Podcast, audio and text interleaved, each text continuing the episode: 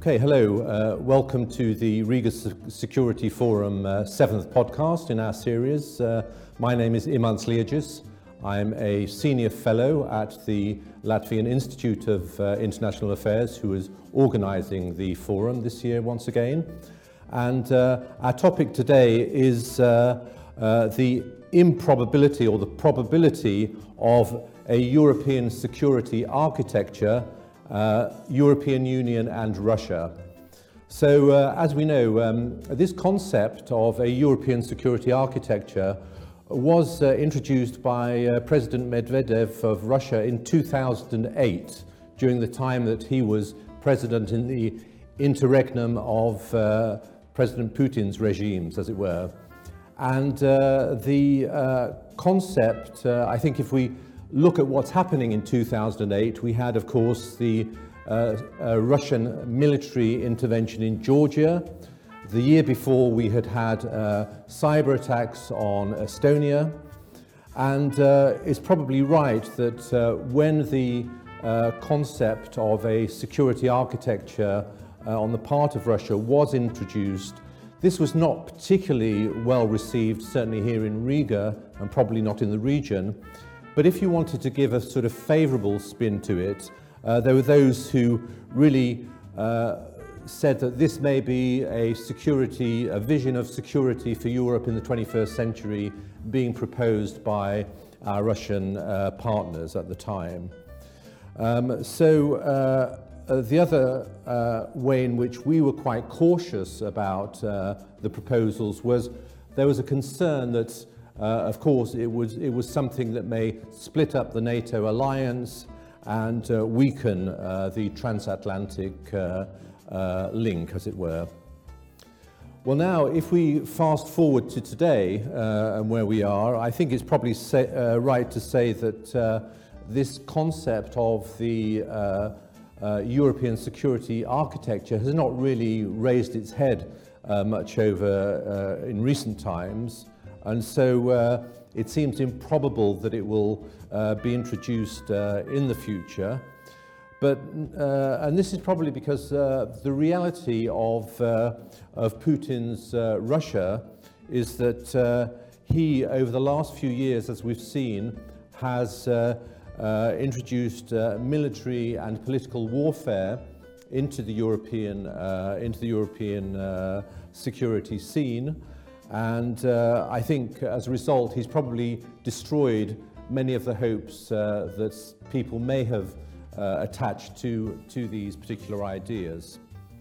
Uh, nevertheless, uh, Europe, of course, has to coexist with Russia, even if we can't agree on a, uh, a common architecture, or, as Gorbachev said, the common European home. Anyway, in order to discuss uh, these uh, conflicting visions about uh, European security, uh, we're very pleased to welcome two very distinguished experts today uh, who will discuss these topics.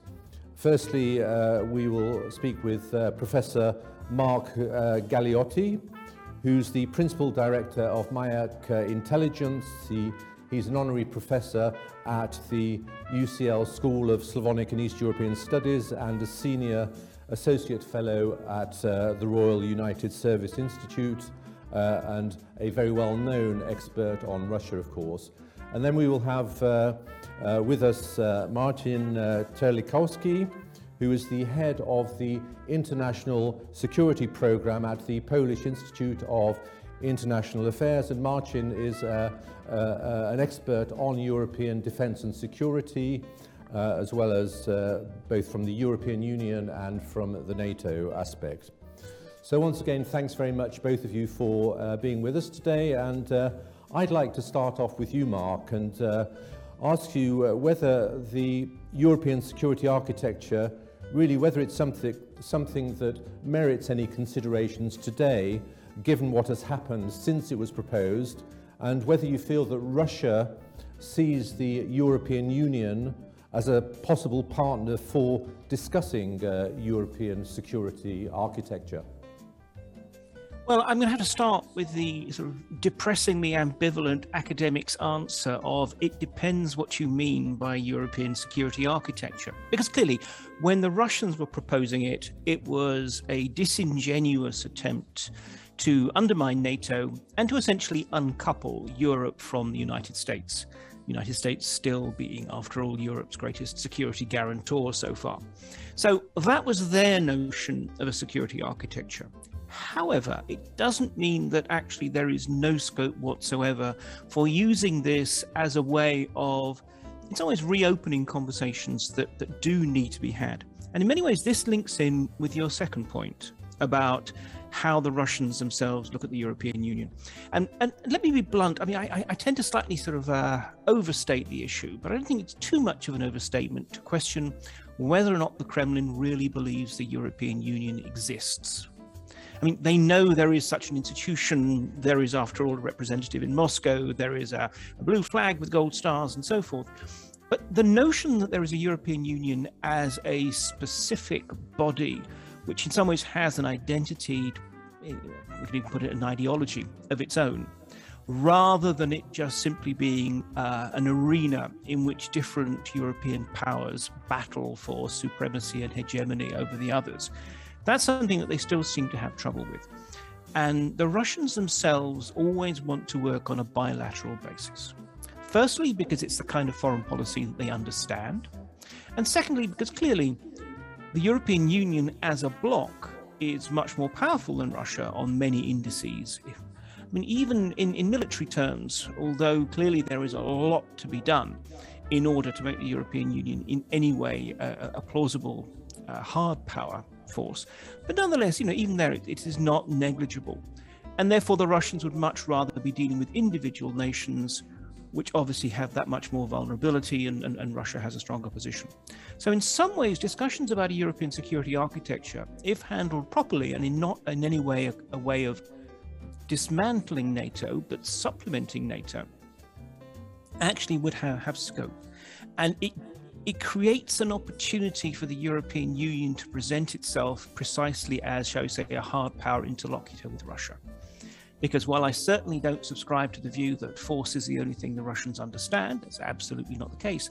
But on the other hand, military power is something they pay a lot more attention to.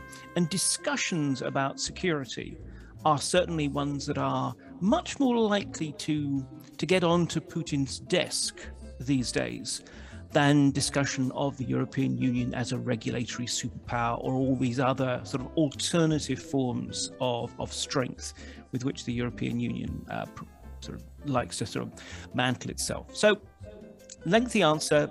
The, the, the, the short version is yes, but absolutely not in the terms that Moscow was originally advancing.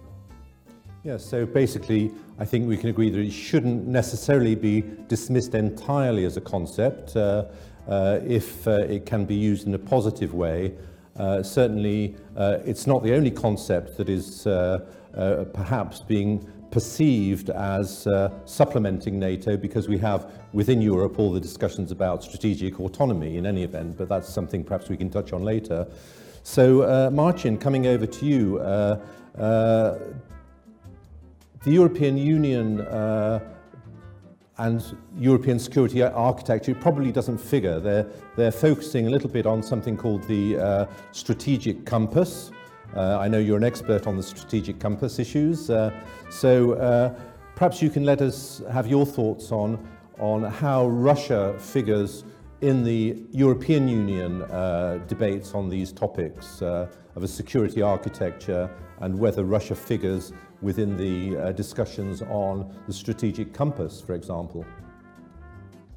Well, Imants, I think that uh, it, the most important uh, issue is the, the, the, the, definition issue, which, which Mark already uh, touched upon. So, if we speak about um, the broad understanding of European security architecture, uh, which involves a number of institutions, European Union being one of them, but also NATO, also the uh, Organization for Cooperation and Security in Europe, to some extent also the Council of Europe.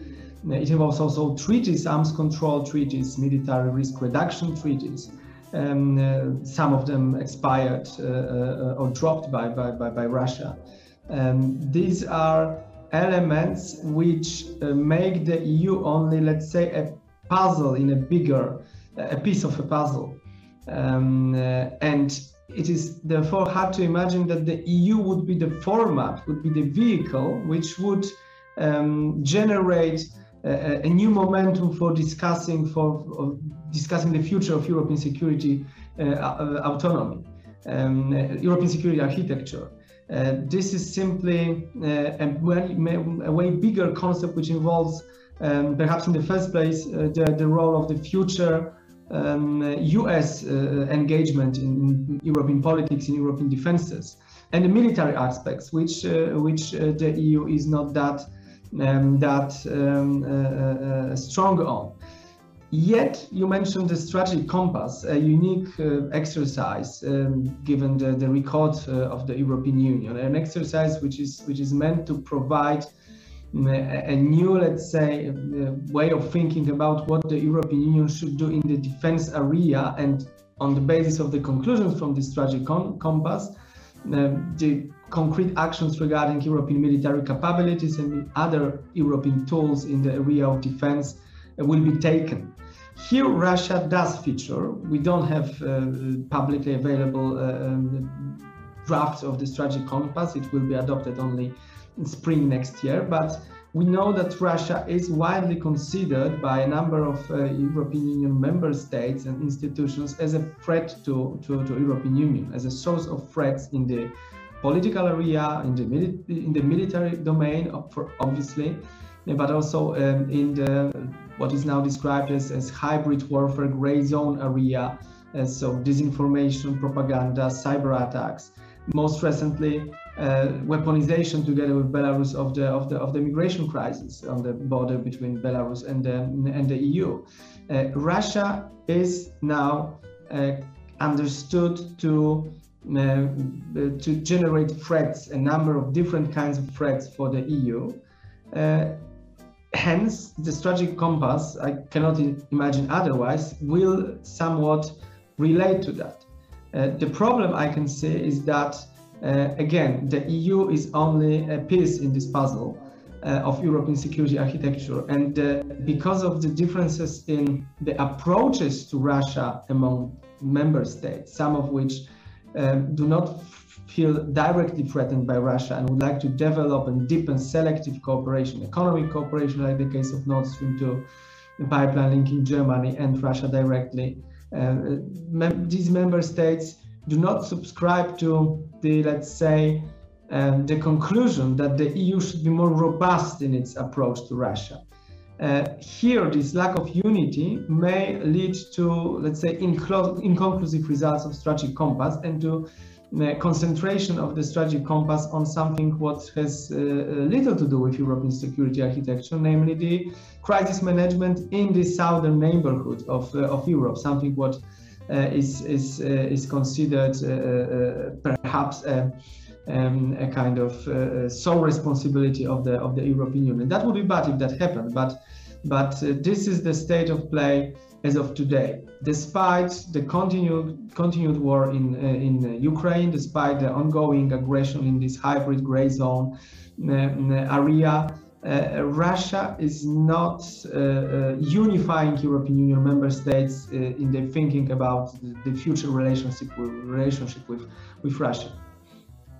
Okay, thanks very much for that. Um, so Mark, uh, you have stated that uh, the aim of Russia is to divide, uh, destabilize, and distract, amongst other things. Now, uh, is, is that the agenda for uh, uh, Russia vis a vis European security? Uh, you mentioned uh, that, uh, of course, Russia prefers to deal with power players. the power of the European Union or their position as a powerful player has not really emerged. You know, if we're talking about NATO, we see, of course, the uh, pretty diabolical or the, the very low level of relations now between NATO and Russia because of the uh, closing of the respective missions, etc. Um, and uh, the European Union is still finding its feet towards being a global actor Uh, but, but what do you feel are uh, Russia's aims, if not to pick us off uh, bilaterally, uh, as, as you mentioned, to deal uh, bilaterally with countries rather than with the institution? And, uh, uh, and, and do you envisage any changes taking place in the immediate future? Because given uh, that it's the power vertical in Moscow and Putin really uh, is in control of these issues, uh, is there anything we can do to, to, to, to promote any changes? Well, there's always scope for changes, even if they are only in terms of changing the, the risk calculus, the sense of which particular tactics, um, you know, are or are not usable. I mean, to go on to the issue of, of, of Russia's Russia's goals, I mean, you know, division and such like. I mean, they are absolutely again, they are means to an end rather than an end in and of themselves. If, if one if one looks at what seemed to be the objectives of Putin, and, and not just Putin, but that sort of cabal of people around him, who essentially share much of the same background. They're pretty much at the same age. Many of them were likewise ex KGB or other sort of old Soviet security apparatus, and who are you know, clearly grappling with that that post-imperial moment uh, of not really being able to cope with the idea that you are no longer a great global superpower.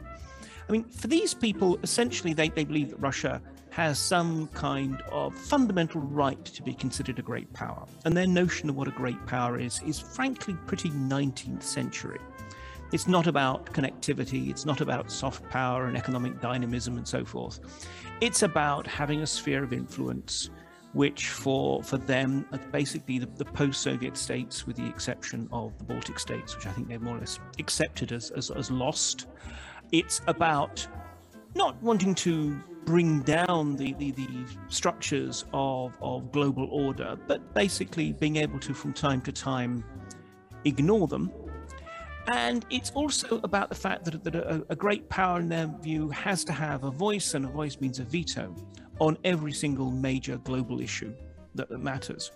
Now, let's be perfectly honest, these are their aspirations. These are not something this is not, nothing that we in Europe can or should allow them, because it would, for example, mean that precisely we would be willing to say to Ukraine, to Belarus, to Georgia, sorry guys, you, you belong to Russia, and your notion of sovereignty is, is entirely limited to what sovereignty Moscow is willing to give you. The trouble is that, as far as the Russians are concerned, that means that we are we are the bad guys. We are the people who are actually trying to deny Russia its rightful place in the world.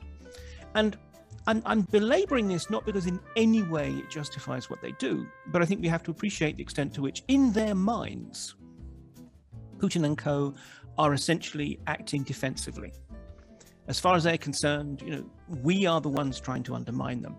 When they look at what happened in Ukraine, when they look at what happens in Belarus, they see these not as the natural organic risings of people finally who had enough of corrupt and unresponsive governments. They see them as um, hybridная война, hybrid war operations planned in Langley and imposed upon these countries as an anti anti Russian act. Mean, it's easy just simply to frame it as frankly ludicrous paranoia, and then there is a lot to that. But nonetheless, it is, I think, a, a genuinely felt one.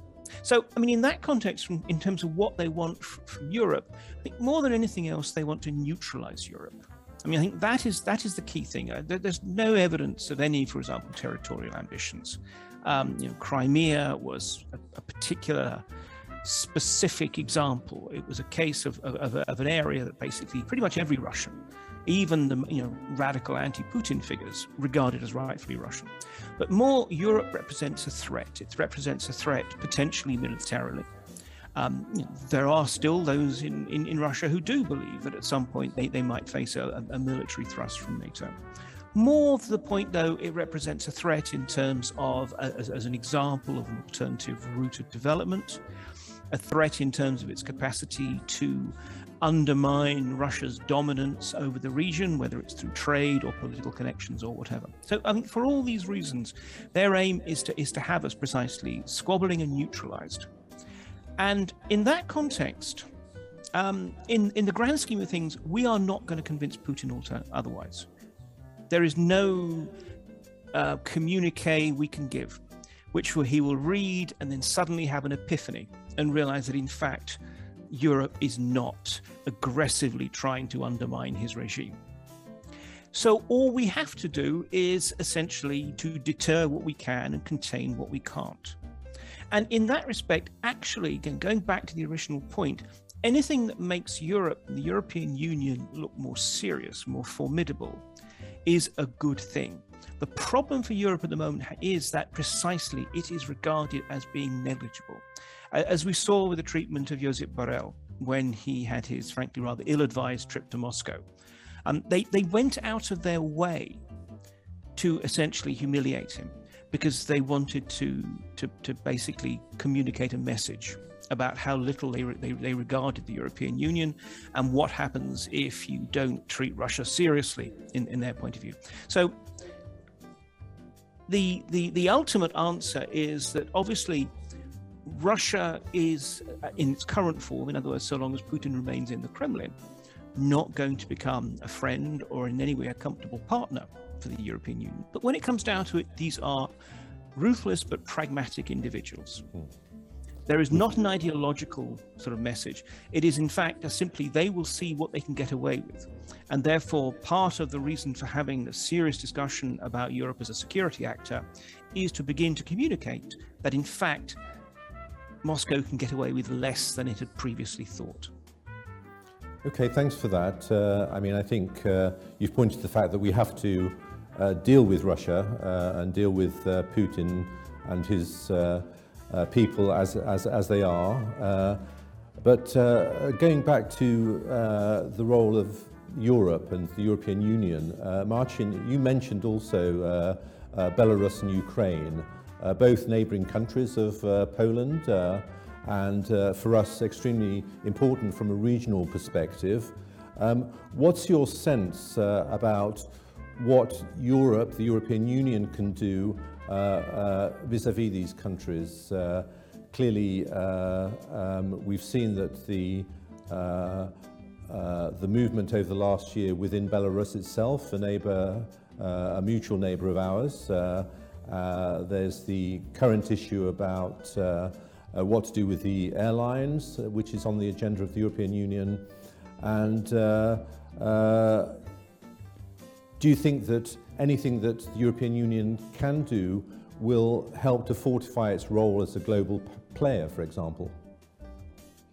Well, it's a complex and let's say multidimensional uh, question because uh, as many member states there are in the European Union, then you would get um, as many answers on what it takes to have the European Union playing a global role.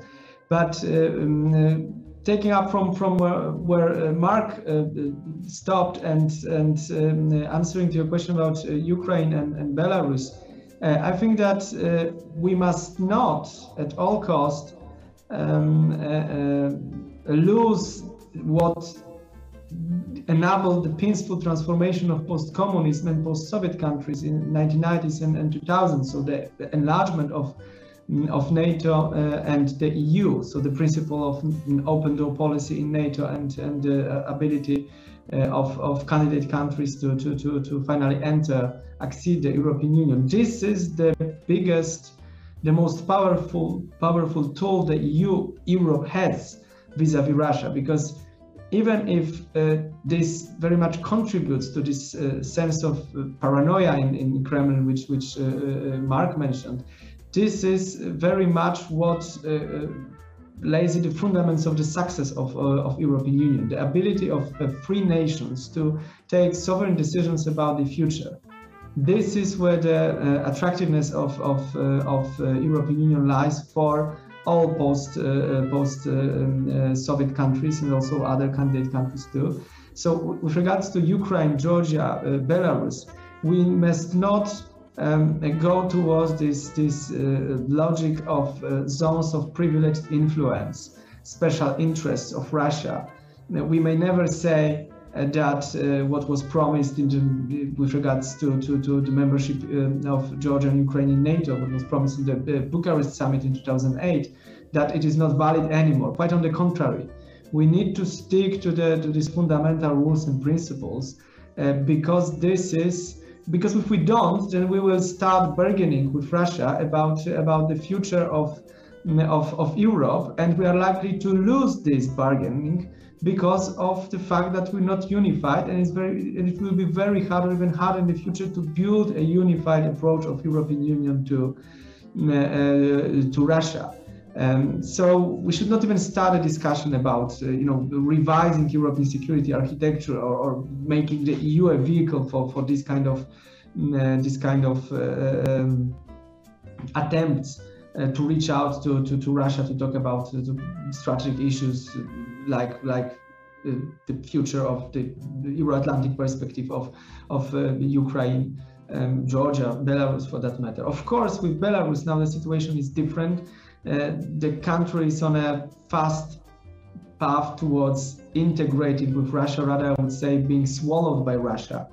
Uh, there are many open source indicators showing that what is happening at the border between Belarus uh, and the EU uh, is being accepted or even advised by and supported by Russia. Um, uh, this is a situation which requires unity. This is a situation which requires uh, response uh, involving sanctions, political response, but also response involving um, migrant countries. And uh, also, this is a situation which points to the fact that the EU has to still think about how to stabilize its southern neighborhood. Um, in other dimensions than the military dimension, which is now mostly debated in the, the strategic compass debates, which which you the strategic compass process, which you which I mentioned before and you asked about.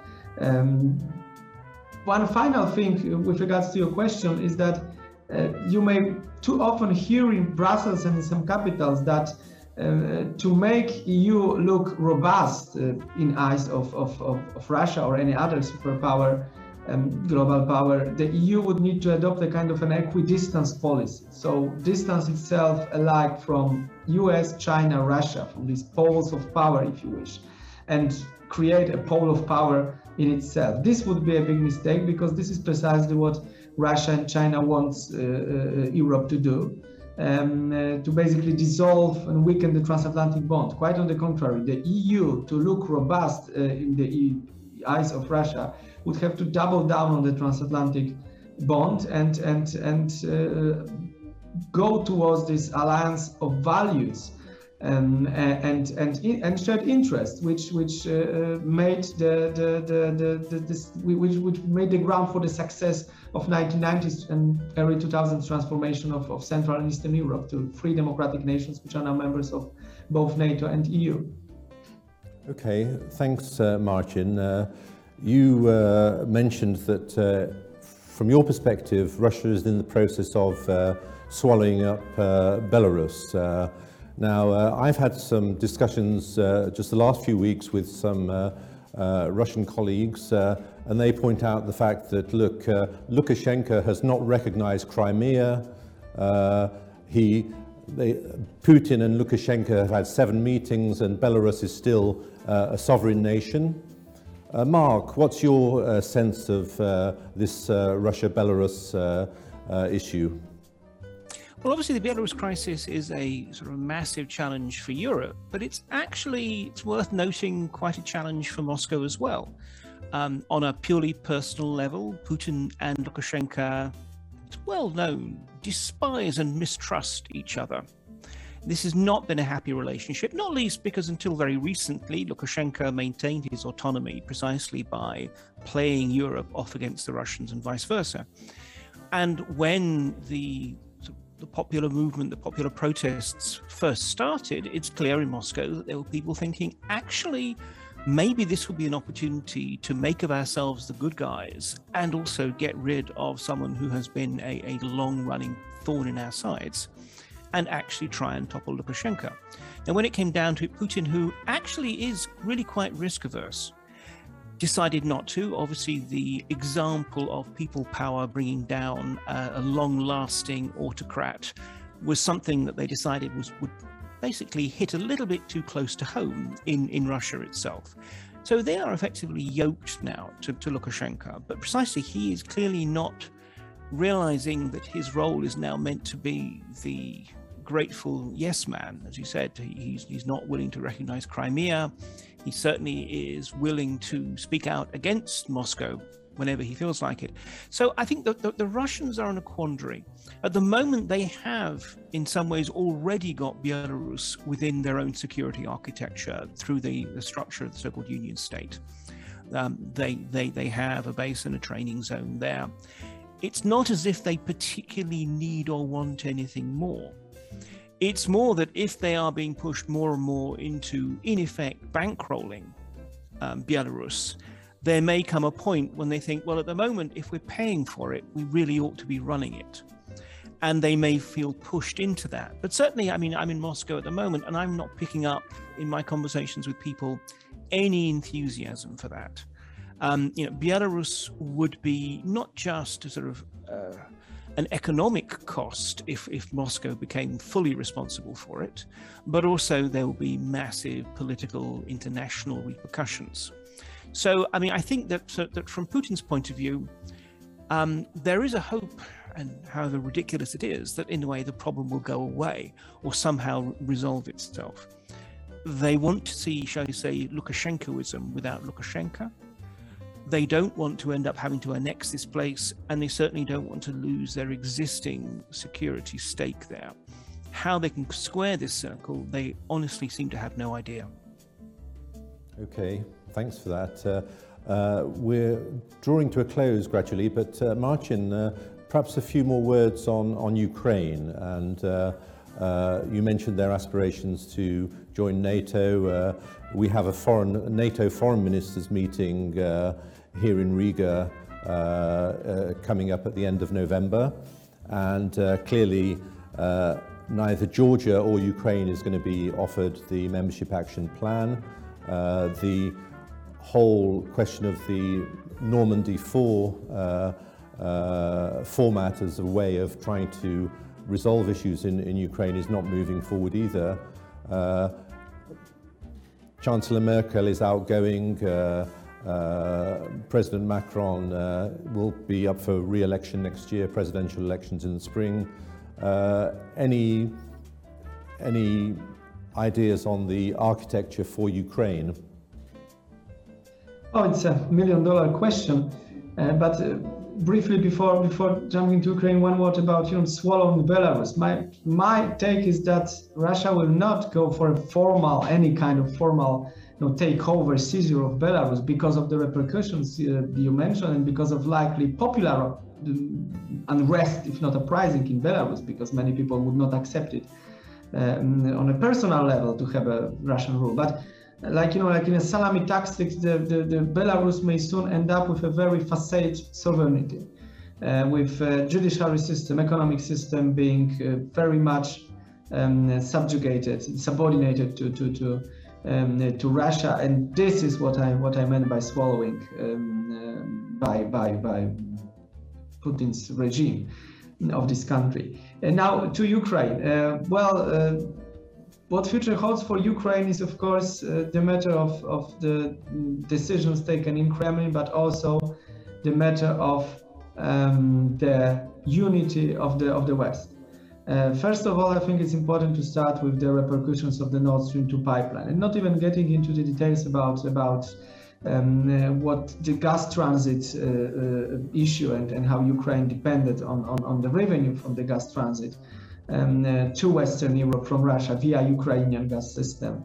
Uh, but uh, looking briefly at the political significance of, of, of the fact that the West would finally allow at some point, which is unfortunately, I think, likely, allow the Nord Stream 2 to take, to become the main route of supplies of gas from Russia to Western Europe, to Germany, and then to Western Europe, with complete with Ukraine being completely cut off. I mean, this would be read in Ukraine by, by Ukrainians as a, as a proof of weakness uh, of the West towards Russia.